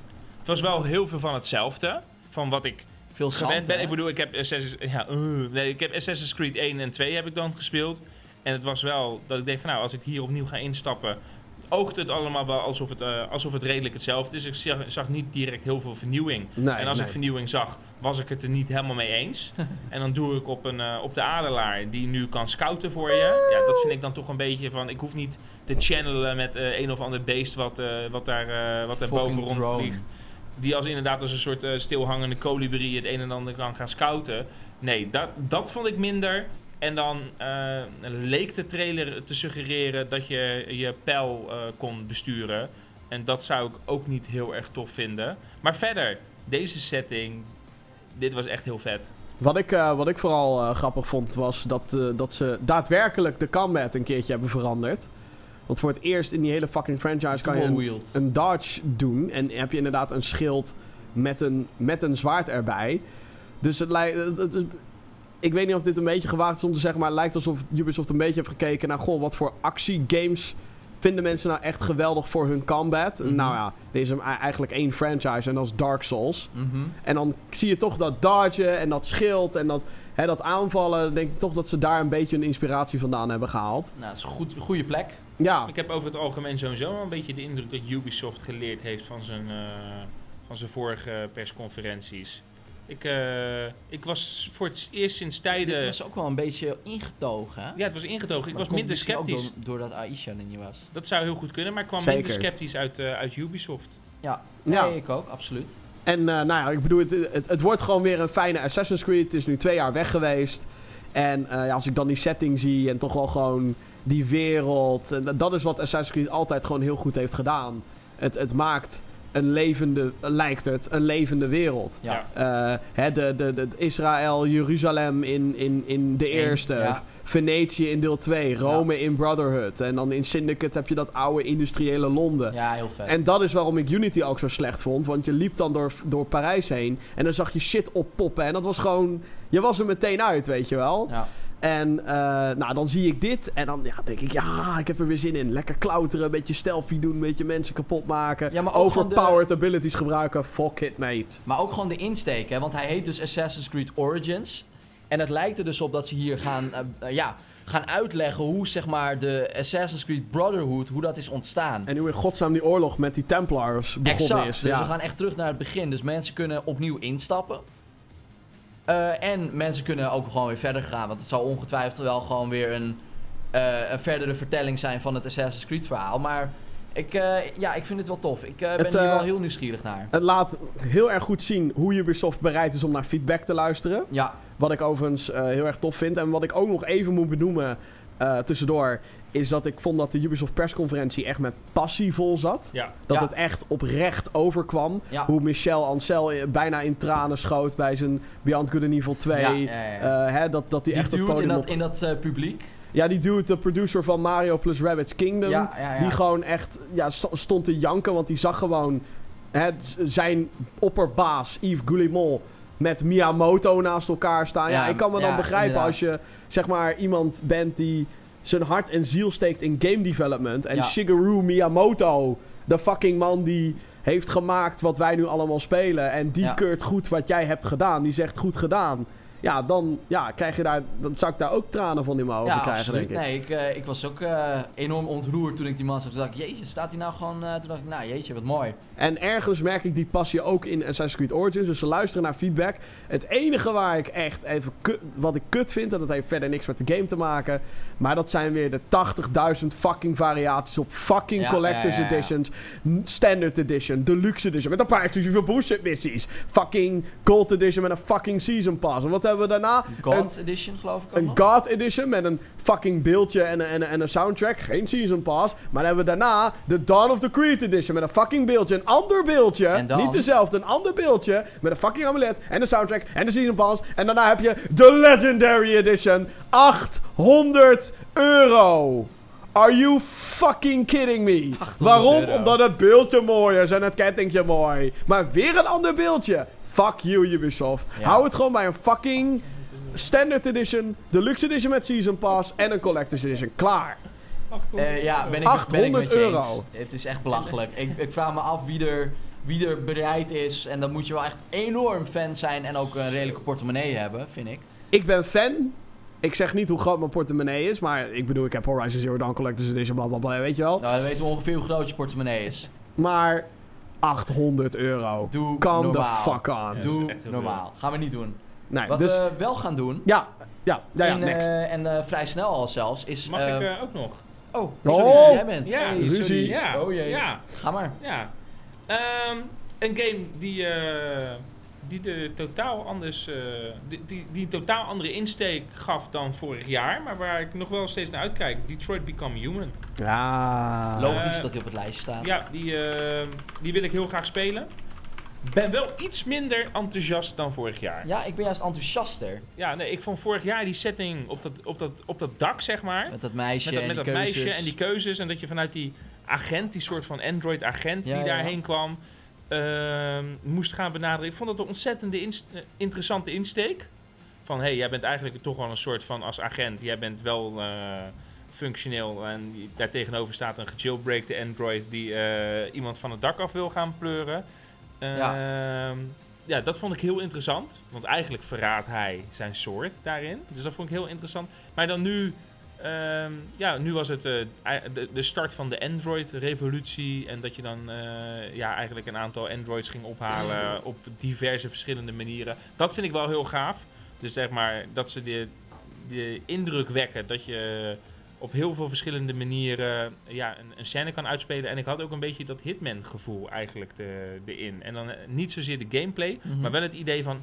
Oh, je kan of linksom gaan, Ja, je kan snap gaan, het, of je het kan... idee van eh, vrijheid. Het, ja, eh, eh, dat ze inderdaad het idee geven dat je op heel veel verschillende manieren die bepaalde scène kan gaan uitspelen. En wat ik dus nu ook, het, ja, wat, wat, mijn, wat mijn idee dus nu ook is bij deze game, is dat het dus een soort cinematic-achtig verhaal is. Ja, ja, en dat klopt. je dus misschien twaalf scènes hebt van het begin tot aan het eind, waarin je dus een soort Android eh, eh, revolutie of tegengaat, of juist gaat aan. eh, aan eh, Ja, precies. Ja, voeren. inderdaad. Ja, waar, ik ik- dus, waar ik dus ontzettend bang voor ben, is dat de game nu te ambitieus wordt. Want, de- de- ik bedoel, tuurlijk, your choices matter. En ze hebben ongetwijfeld een aantal scenario's die je zelf kan Mhm. bepalen. Maar ja, de manier hoe ze het nu presenteren is dat echt elke situatie eh, het butterfly effect ja, net als bevat. met Until Dawn. wat en Until Dawn niet, had eh, dat ook ja. niet. En ik heb zoiets van... eh, kijk uit met hoeveel mogelijkheden je Nee, dat, dat daadwerkelijk ben ik met geeft. je eens. En, en die, die David Cage eh, van eh, Quantic Dream is natuurlijk een enorm ambitieuze man. Ja. Eh, heeft ook Heavy Rain en Beyond Two Souls gedaan. En daarvoor ook nog Fahrenheit. Ehm, en het gaat altijd om keuze. Het gaat altijd om keuze. Maar goed, dit is dan weer een PS4-game. Dus we zijn weer wat verder. Wellicht is er meer mogelijk ook in de techniek. Ik vond de, de insteek die ik nu zag, namelijk die hele revolutie, vond ik heel tof omdat we natuurlijk hier hè, in, in onze wereld ook al aardig aan het ontwikkelen zijn. En we hebben al robots die dingen voor ons doen. En we hebben natuurlijk allemaal de Terminator films gezien. Dus we weten hoe Ja. shit volledig uit de klauwen kan gaan lopen. En het scenario dat ze hier lieten zien van androids die zoiets hebben, nou ja, become human. Weet je, wij zijn net zo menselijk als, als jij en ik, weet je. Eh, dat vond ik heel interessant. En dat daar dan daar een revolutie ontstaat. Omdat zij zoiets hebben van... Ja, we worden gewoon ondergewaardeerd. En we worden gewoon een beetje gebruikt. Omdat wij maar robots zijn. Vind ik super interessant. En wat ik zeg Echt maar heel cool vind aan dit onderwerp, dus wel heel, we gaan nu heel erg filosofisch bezig zijn, denk ik. Maar het wordt denk ik een discussie die we over 10, 20 jaar gaan hebben. Ja, maar Ja, dat bedoel ik. Ja, ja maar, maar het is, weet je, ehm, ook op Netflix hebben we diverse series die hier, eh, die hier ook aan besteed gaan worden. Het is inderdaad echt een, een issue die er al is. Ja, Die er al is van, oké, wat is leven? Wanneer beschouwen we iets wat levend is? Ehm, en ik eh, ben zelf van mening dat als dit eenmaal gaande is, dan zeg ik, maak ze allemaal af. Maak ze allemaal Ja, af. zeker. Sterker nog, ik ben, al, ik ben al van mening dat we te laat zijn. Ja, We, we zijn al te laat. Ik geloof ook ergens dat er een, eh, een supercomputer eh, ja die is staat. er. Die is er. die al eh, heel veel eh, trekjes eh, heeft van eh, wat artificial intelligence is. En ik geloof ook dat we er bijna zijn. En ik geloof wel dat we te laat zijn. Johan, Ja. de volgende op deze hele vrolijke noot. Ja, inderdaad. Eh, nou, dan ga ik heel vrolijk. Want ik wilde Mario en Rabbids eh Kingdom Yeah, eh, erin boy! gooien. Ja, ja, ja, ja, ja, ja, ja, wat goed, hé. We hadden het er net al even heel kort over. Bij Ubisoft werd die aangekondigd. De crossover tussen Mario en de Rabbids. Wie kent ze niet meer? Ze zijn terug. En eh, het was heel lang even afwachten van wat voor game wordt dit nou. Er was wel al wat artwork gelekt. En wat ik daar meteen heel tekenend aan vond, is dat Mario een gun had. En Nintendo is altijd heel voorzichtig met hoe Mario eruit mag zien. En eh, nou ja, Luigi had dan een stofzuiger, dus dat was dan in Luigi's Mansion was dat redelijk onschuldig. Ja? Maar echt, guns heeft Mario niet. Hebben de Mario characters niet. Daar zijn ze altijd heel voorzichtig mee. En toen dacht ik echt van oké, wat de fuck gaan we doen met deze game? Want het ziet er fucking cool uit. Jim stuurde op een gegeven moment zelfs nog een screen van de amiibo's die eh, ook gaan uitkomen Ja. mogelijk voor deze game. Dat design is gewoon heel tof. En ze hebben het op de een of andere manier hebben ze het voor elkaar gekregen om de wereld van Mario en de Rabbids te combineren tot iets wat je, wat, wat je ziet en dat je denkt, jezus, wat is dit tof. En eh, ook het genre, want het genre is iets wat ik niet had verwacht. Ik dacht het wordt een soort van shooter. Iemand die riep al van een soort van Plants vs. Zombies-achtig ding. Maar dan met Mario characters en met rabbits. Nou, dat had heel goed gekund. Maar het is een soort van Advanced Wars Light. Je, je bent echt gewoon je soort van je troepen aan het positioneren en je neemt het tegen elkaar op. En de gameplay die, eh, gameplay die ze daar lieten zien was zo innovatief dat je op een, eh, teammate kan springen, waardoor je weer een sprong verder kan doen. En dat je een hoekje om kan gaan en dat je iemand dan weer schiet. En allerlei verschillende soorten wapens. En het bruiste gewoon van de creativiteit, deze game. Het is, het is XCOM, maar dan Nintendo. Eh, een tactische turn-based game. En eh, ja, ik vind de stijl die spat er vanaf. Zo heerlijk. Het ja, is- echt heel tof. En ja, ik heb ook een grafhekel gehad aan die kutkonijnen. Maar eh, ja, tegenwoordig Hebben ze ons in ons hart kan ik ze gesloten. best hebben. Maar zeker als er dan dat soort persiflages zijn van andere personages. Dus in dit geval dan die, met name die Princess Peach Ja, Rabbit. ja, ja, ja. Die dan de hele tijd selfies maakt en super kritisch is op andere vrouwtjes jurk. Een beetje de Instagram generatie. Daar waar Princess Peach natuurlijk heel ouderwets is in haar doen en laten. Ja, ja, precies. En dat is juist een leuke tegenhanger van de traditionele Mario-personages. En dan heb je daar die gekke rabbits die daar de boel komen verstoren. Ja, ik moest de hele tijd lachen toen ik die rabbit zag die die, die pet van Luigi gewoon verkeerd op zijn kop heeft. Ja, omdat natuurlijk Luigi klungelig is. Nou, Ja, dit is pas klungelig. Ja, maar dat spiegeleffect inderdaad, dat is heel grappig. En, en gewoon wat ze hebben gedaan met die enemies. Je hebt zo'n piranha plant rabbit die gewoon... Ja, een soort van tuinslangen heeft als tentakels. En eh, die Donkey Kong rabbit, daar Ja, kon ik ook wel heel erg om lachen. ja, het, was, het, het, het, heeft, het is echt alsof die twee partijen ehm, hier gewoon geen ruzie over hebben gehad. Wat vaak natuurlijk wel het geval is. Dat er heel veel eh, concessies gemaakt Ja, moeten worden. En het feit dat Nintendo akkoord gaat om Mario dingen neer te laten schieten, ook al is het onschuldig, Exact. dat zegt heel veel over eh, de kwaliteit en hoe ze het hebben aangepakt. Ja, En nee, dat, inderdaad. Inderdaad. Nee, eh, het, eh, mark my words, dit wordt gewoon echt een, eh, een bestseller deze Q4 samen met Mario Odyssey voor, eh, de, Voor de Switch. 29 augustus komt hij al uit. Ja, dus dat duurt niet heel lang meer. Dus ja, nee, ik, eh, ik vond hem echt eh, helemaal te gek. Ik eh, had zoiets van, ja, dit is... eh, Dit is mijn ding. ook vooral omdat Ubisoft daar inderdaad mee opende en, en Miyamoto op het podium had. En ja, het was zo van... Het was voor mij ook raar dat ik denk... Oh ja, shit, gewoon Nintendo op het podium op een E3 met gewoon enthousiasme. En yeah, we hebben er zin in. Dat is uniek tegenwoordig. Ja, nee, dat klopt. Zeker. En dat, eh, nou ja, graag. Ehm, Ja. Ik wil, ah, man, man, man, man, man, ja, heel veel tijd hebben we niet meer. Wat voor games wil ik nog een shout-out geven die zo vet zijn? Het zijn er best wel veel. Oké, laten, we, laat, laten we dan allemaal nog één game behandelen. Allemaal nog één maar, game. Maar da- voordat we dat gaan doen, Oké, dat we eventjes in dat jij eh, nog een bonus eh, ding krijgt. Nee, nee, nee, dat, dat, dat, nee, nee, dus dat we als laatste, zeg maar, hoe heet het, ehm, de game behandelen, maar dat we tot die tijd dan eventjes nog, eh, hè, dit flikken we erin, dit wil ik spelen. Johan nog een keer, dit wil ik spelen. Eh, Nee, maar is Jim, die is... ja, eh, oké. Oh, gewoon heel snel, dit wil ik spelen. Gewoon dit wil ik Ja. spelen, ja. Wolfenstein 2, dit wil ik spelen, punt. En daar wil je helemaal niks meer verder over zeggen Nou ja, straks? gewoon vette shooter actie en, eh, en het, is, het is een sequel op Wolfenstein en daar daar dat, dat wilde ik en ik wil het. Eh, eind oktober komt het uit. Twee weken na de Evil Within 2. Vincent, we hebben twee weken om niks uit te spelen, want dan komt Wolfenstein. Rustig. Rustig. Dan zeg ik eh, Rustig. Call of Duty eh, Wereldoorlog 2. Nice. Ja, dat, eh, Dat die game toch nog een shout-out krijgt hier. Ja, nee, ja. Ja. En terecht. Terecht. zag er echt heel vet uit. En het zag er eh, niet uit als een, eh, een generic Call of Duty game. Nee. God of War. Ja, dit God wil of ik War. spelen. Dit wil ik spelen. Echt. Dit wordt echt heel vet. Nou Vincent, dan mag jij eh, je laatste, je Zo, laatste jij doen. bent nog door, heb je niks meer anders? Oh, nog flitsen. Oh, Ja, we doen gewoon heel ik, snel. als laatste behandelen we Oh, dan een game die we heel graag nog willen behandelen. Nou, ik denk, ik denk dat het een beetje een open deur intrappen is, maar dat... z- Ik doe er even twee, nee, sorry. Maar zowel Uncharted als Horizon, de DLC, ja. de, dat willen we allemaal spelen. Want eh, zowel Uncharted 4 is top, eh, met die twee personages top. Horizon Zero Dawn, ik heb nog niet eens uitgespeeld, maar ik heb zoiets van... DLC, er komt meer shit aan. Prima, top game. Far Cry 5 Ja, ga ik spelen. Dat is, dit is ook je flitsronde nog. Dit is mijn flitsronde. Oh, ja, ik, ik, ik, ik, ik, flitsronde. heb er- dus ik, eh, hierna, hierna, ben, hierna komt mijn laatste. Oké, ehm... Eh, ga jij maar, Jim. want The Last Night. eh, dat is Oh, een ja, eh, pixel eh, eh, Neo Tokyo game of zoiets. Die kwam bij Microsoft even heel snel langs. Eh, en eh, eh, Ori and the Will of the Wisps. Want hey, Ja, zeker. kunst. Ja, inderdaad. Ook al hebben ze Ori voor mij eh, vernacheld vorig jaar.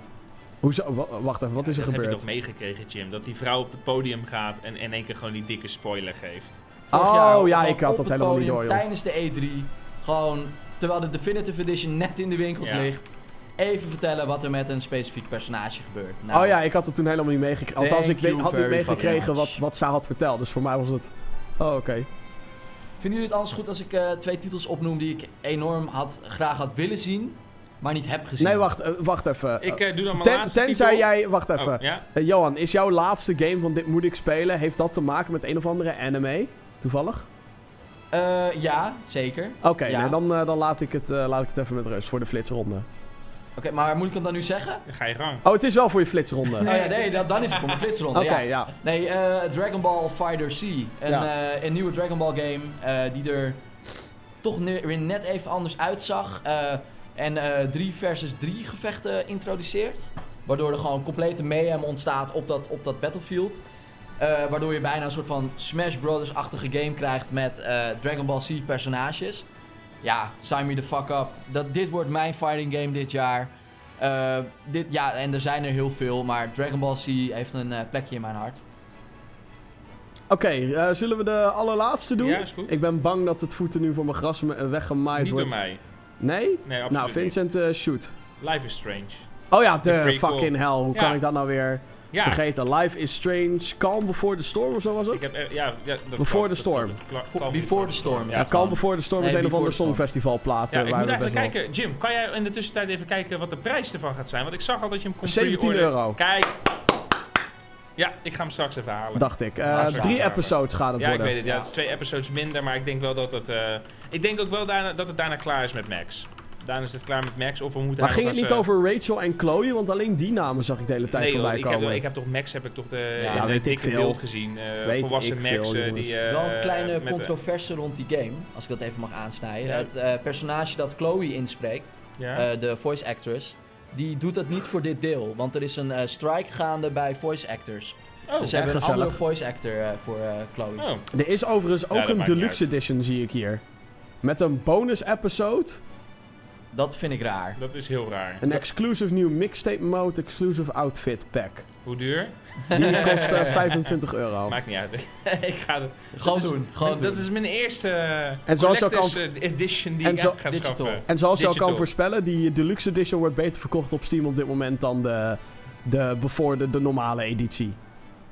Ja. Ja, nee, dit is, eh, ik, ik denk wel dat het laatste is van Max. Ik denk dat Life is Strange 2 gewoon een compleet andere game gaat zijn. Maar dit is wel een, een zoethoudertje tot die tijd. En een zoethoudertje waar ik heel veel zin in heb. ja. Nou, de laatste die ik dan nog even wil noemen. eh, Days Gone van Sony slash. Sony Band. Ja, Eh, een, eigenlijk wat je krijgt als je eh, The Walking Dead pakt en in een open wereld in, in, in een staat in Amerika. World War Z. ja, als je daar je gang mag gaan, dan, ehm, dan krijg je Days Gone. En de gameplay die ze dit keer lieten zien was niet van zombies die... ook wel grote massa zombies.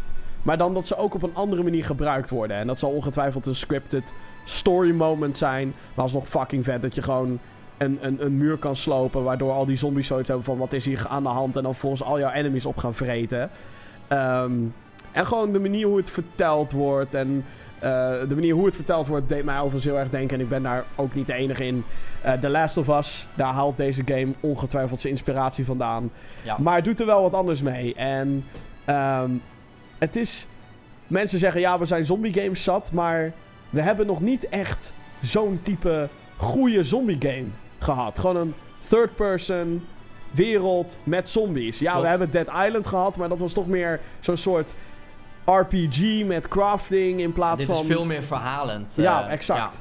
En we hebben dan natuurlijk de Telltale Walking Dead, maar dat is ook Telt niet ook niet echt. dat is geen, weet je wel, dus zo'n type Daisy, ja, dat is, Ja, eh, telt ook niet. Nee. Hè? Dus nee, Days Gone, ik vind het wel, moet ik erbij zeggen, oprecht zonder dat we niet eens een fucking datum hebben ge- ge- gekregen. Ja. Niet eens een 2017, niet eens een 2018. En dat baart me dan wel een beetje zorgen, want dan denk ik, deze game is volgens mij al fucking lang in ontwikkeling. Hoe fucking langer gaat het nog duren als je niet eens een jaartal kan geven? Oei. Inderdaad, inderdaad. Nou, dan gaan we naar mijn God of War, eh, toch? We zijn Ja. klaar met de flitsronde. Waarom ik God of War wil spelen. Nou, dit, dit was voor mij eigenlijk al mijn laatste die ik hem wat uitgebreider wou doen. Maar Oh, nou, eh. Voor mij ja, ook. God of War. Ja, God of War. Eh, vorig jaar werd hij al getoond. Eh, Kratos heeft een zoontje. zagen we toen. En eh, we zagen wat, wat gameplay. En eh, wat meteen heel duidelijk werd, was dat eh, ze afstappen van de Griekse mythologie en overstappen op de Noorse mythologie. Eh, wat natuurlijk een wereld van verschil is. En eh, nu lieten ze dus weer nieuwe, eh, nieuwe gameplay zien. En ehm, ja, het ziet er natuurlijk fantastisch uit. En dit wordt echt weer zo'n game waarbij ik zoiets heb van oké, dit wil ik spelen. En dat is heel, heel tekenend. Want de overige God of War games vond ik leuk. Die heb ik gespeeld. En die heb ik ook vooral op de PSP heb ik die, eh, heb ik die gespeeld. Maar daarbij had ik niet zoiets van oké, dit is iets heel bijzonders. Helemaal niet. Dat, het waren leuke games en het waren ook wel goede games. Maar ik heb het idee dat dit veel meer een soort van volwassen vertelling wordt van een God of War verhaal. Eh, en eh, ja, dat wil ik heel graag meemaken. En eh, hoe jij dan zeg maar soort van met dat zoontje zeg maar je door die wereld heen voortbeweegt. Dat doet mij ook een beetje denken aan The Last of Us. Dat je secties doet met Kratos. En dat je waarschijnlijk voor hè, dingen waar doorheen gekropen moet worden of iets. Dat je daar dat zoontje voor gebruikt. En hoe die relatie zich met elkaar ontwikkelt. Ja, ik vind het heel interessant. En eh, ik zeg eh, ook hier heel jammer dat er eh, geen datum is gegeven. Want we hebben gewoon geen idee wanneer wij eh, God of War, die gewoon God of War heet, gaan spelen. Ja, ik moet ook wel daarbij zeggen dat de, de, de oudere God of War games waren echt een product of its time. Weet je wel, het was super gruwelijk, super gewelddadig. En Kratos was alleen maar. "Ah, ik slacht alles en iedereen. Ik heb een paar jaar geleden nog die God of War 3 Hij remaster gespeeld boos. op, eh, op PS4. En dat, maar het was wel echt spectaculair. hè. Van die gigantische beesten. Dat Ja, je denkt, ja, ja. hoe de fuck kan dit? En Met die kettingen en ja, shit. dat was Ja, gewoon ja, wel ja. echt te gek. Eh, alleen, ja, als ze nu inderdaad een nieuwe God of War hadden willen maken. Ik denk als je dat met diezelfde insteek had gedaan, dat iedereen het dan helemaal kapot gemaakt had. Ja, mensen zijn echt op zoek naar narrative tegenwoordig. Ja, en geef ze eens ongelijk. Ja. Ja, maar ik bedoel, het is ook uit. logisch. Zeker ook als je dan kijkt naar hoe eh, bijvoorbeeld vrouwen behandeld werden in die oude God of War games. Als Ja. vuil. Als vuil, gewoon letterlijk in God of War 3 is gewoon letterlijk een scène. Dan neem je een of andere, andere, andere eh, eh, meid neem je mee. En die zet je onder een deur. En die houdt dan letterlijk die deur een paar seconden voor je beet. Zodat jij er onderdoor kan. Vervolgens wordt zij verplet. Dus gewoon letterlijk trash voor, voor Kratos. Ja, nee, En inderdaad. om dan inderdaad dit te zien. eh Dead of War wordt het ook wel genoemd op het internet. Ehm, ja, het is heel verfrissend. Maar ook gewoon lekker die setting. En dat er wel eh gehint wordt. Of dat er wel referenties in zitten naar zijn Ja, verleden. daar leek het wel op inderdaad. You met die scène met die moeder. Zo. Ja, New Life en dat soort dingen. Ja, Eh, en eh, ik bedoel, na, na, spoiler, na God of War 3 werd er ook wel, ook al zou dat de laatste zijn, werd er gehint dat hij nog leeft. En nou, dat doet hij dus inderdaad. Eh, en ik vind Maar dat ergens ook wel, wel ja, indrukwekkend eh, hoe ze... En dat, maar dat iedereen het in één keer ook gelooft. Van, ja, nee, oké, dit personage, we geloven erin. Terwijl Ja, Kratos absoluut. eerst natuurlijk gewoon een klootzak was. ja. En nu wil iedereen alsnog met hem weer gaan spelen. En ehm, ja, dan zeker ook zo'n zo'n zo'n fragiel kind erbij doen natuurlijk. En dan compleet andere creatures, compleet andere gebieden. En het ziet er zo goed uit. En zo leuk om te spelen ook. Ik hoop het inderdaad. Eh, wanneer weten we alleen helaas nog niet. 2018, Ja, precies. ja. Was het niet early 2018 of heb ik me dat eh, voorgesteld? 2018. Nee. Wat was er dan wel early? Nee, jawel, early 2018. Ja, nee, dat is early tegenwoordig. Maart. ja. Maart. God of War wordt een maart uitgesteld. 2018 game. Ik en die hoop wordt het dan gewoon het uitgesteld. moment waar Horizon ook op uitkwam. Nog net even voor de 31ste. Even het fiscale jaar. Spekken. Bam, bam, bam, bam, bam. Cashen met die handel. Precies. Zo. Nou, Zo. eh, jongens. Ja. Het eh, waren me een aantal dagjes wel. Nogmaals, we nemen dit op eh, op het moment dat wij eh, aan het einde zitten van onze E3-streams. dus eh, vandaar een iets andere podcast deze keer. Eh, ja, is er nog iets anders? Nog een laatste boodschap wat je hebt na deze E3, na al die persconferenties, dat je zegt, nou jongens, dit, eh, dit moet ik nog even erover kwijt. Waarom, naar- oh, waarom geen Bloodborne 2, geen Splinter Cell en geen Demon's Souls remake? Waarom? Vincent? Ik kijk uit naar volgend jaar. Ja, ik ook wel, ja. Ik ben heel benieuwd wat daar nu uit gaat komen. ik heb want, een goede console gekozen, dat weet ik zeker. ja, Dat denk ik ook. PlayStation. Dat denk ik ook. Dat weet ik wel zeker. Het is, eh, het, het is bij mij nu een crisis dat ik denk... Shit, waar de fuck moet ik mijn tijd in gaan steken? Maar ik heb er echt zin in. Ik heb er echt Ja. zin in. Ja, Ja, ja, ja, Ik bedoel, het is- aan. Maar dit is serieus, dit is een van de... eh, eh, eh, heb ik, dat is mijn idee hoor. Eh, ook omdat wij hier natuurlijk bij elkaar zitten. Dat ik ook zoiets heb van... En die wil ik echt met Vincent gaan spelen. En die wil ik echt met Johan gaan spelen. En die wil ik echt met Jeroen gaan spelen. En die moeten we met z'n allen spelen. En die game wil ik weer met Bobby gaan spelen. Ja, ja, inderdaad. Ook veel, veel van die co-op games ook inderdaad. Ja. Dus eh ja, er komt een hele hoop moois aan. Ik wou Zeker. ook eigenlijk dat ik bij iedere keer zeg maar dat wij dit, die, die, die, die, die snelle ronde deden, dat ik eigenlijk alles verwijderd heb van mijn telefoon. En dat je dan denkt, shit, maar, maar er is zoveel leuks. Ja, Ja, ja, want Ja, ik- fuck, er is ook nog Marvel vs. Capcom ja. Infinite. Er is ook nog... eh, wat nog meer? ja, dat is genoeg. South Dus- Park, The Fractured But Whole. Ja, en Phone Destroyer. En, En eh, toch nog Metroid Prime 4. Ondanks dat het alleen maar een fucking logootje was. eh, toch leuk. ja, ik denk dat we nog wel een hele dag hadden kunnen vullen Dat met, eh, met een ja. podcast Zeker. eh, alleen. Ja. Dus eh, het is Dus. goed dat we het zelf afsluiten, denk ik. Ja, ja, ja. We hebben, ik denk wel dat we onze highlights sowieso eh, hebben meegenomen. Ja. Van de persconferenties natuurlijk was dit. Want we Ja, weten nog exact. niet wat er verder nog op die beurs allemaal komt. Ik bedoel, we hebben ook de PC Gaming Show hebben we ook compleet aan ons voorbij laten gaan. Klopt. Maar ook daar was dat nog Age of Empires rema- eh, remaster. Ja. What the fuck, awesome. Nino Kuni release date. Nou, weet je, dat soort dingen allemaal. Dat je toch denkt, ah, zoveel goede shit. Matterfall. Matterfall, Ja. inderdaad. Oh, videogames, ze zijn zo leuk. Ja, I know. Ja, oké mensen. eh, dit was eh, de Gaming Geeks podcast. De zesde aflevering was dit alweer. Jezus. Eh, of er aanstaande maandag slash zondag weer eentje komt... eh, nou, ik weet niet of... Niet met mij, want ik ben op vakantie. Oh, oké, nou, dat wordt een beetje... andere geeks hebben zoiets van... Maar wat moet je dan Wat? gaan behandelen, Jim? Alles is al behandeld. Nou, de E3 die komt, die, dat is nu bezig. En ik weet toevallig dat Bobby nu ook een Switch heeft gekocht. Dus die eh, zal ook wel weer wat dingen gaan spelen. Oh, is dat jee. zo? Spoilers! Spoiler alert. Gek huis. Oké mensen, eh, dit was de Gamer Geeks podcast. Bedankt voor het kijken en dan wel luisteren. Check al onze video's op www.gamergeeks.nl, want daar gaan we al onze E3-analyses op, eh, op, eh, op kwijt. Gaan we daarop dumpen, daar waar eh, Vincent en Johan nu zitten als je naar de videoversie kijkt. Daar hebben we onze analyses ook opgenomen. Dan gaan we elke persconferentie apart langs. En eh, ik ben ook bezig met wat reviews, Prey en Strafe. En Bobby is bezig met haar eh, Rage Quit review over Earthlock. En eh, Jeroen had al een video klaarstaan over hoe hij zijn mega PC heeft gebouwd. Waar we eigenlijk praktisch de hele E3 op hebben moeten bouwen. Dankbaar ook daarvoor. Zeker. Hij deed het goed, Jeroen. Complimentje. Mooi gebouwd. Hij is zo moe dat hij in de tussentijd alleen nog maar zijn arm omhoog kan doen. Heel stil. Oké mensen, bedankt voor het kijken en wel luisteren. Tot de volgende keer. Tot de volgende keer. Doei.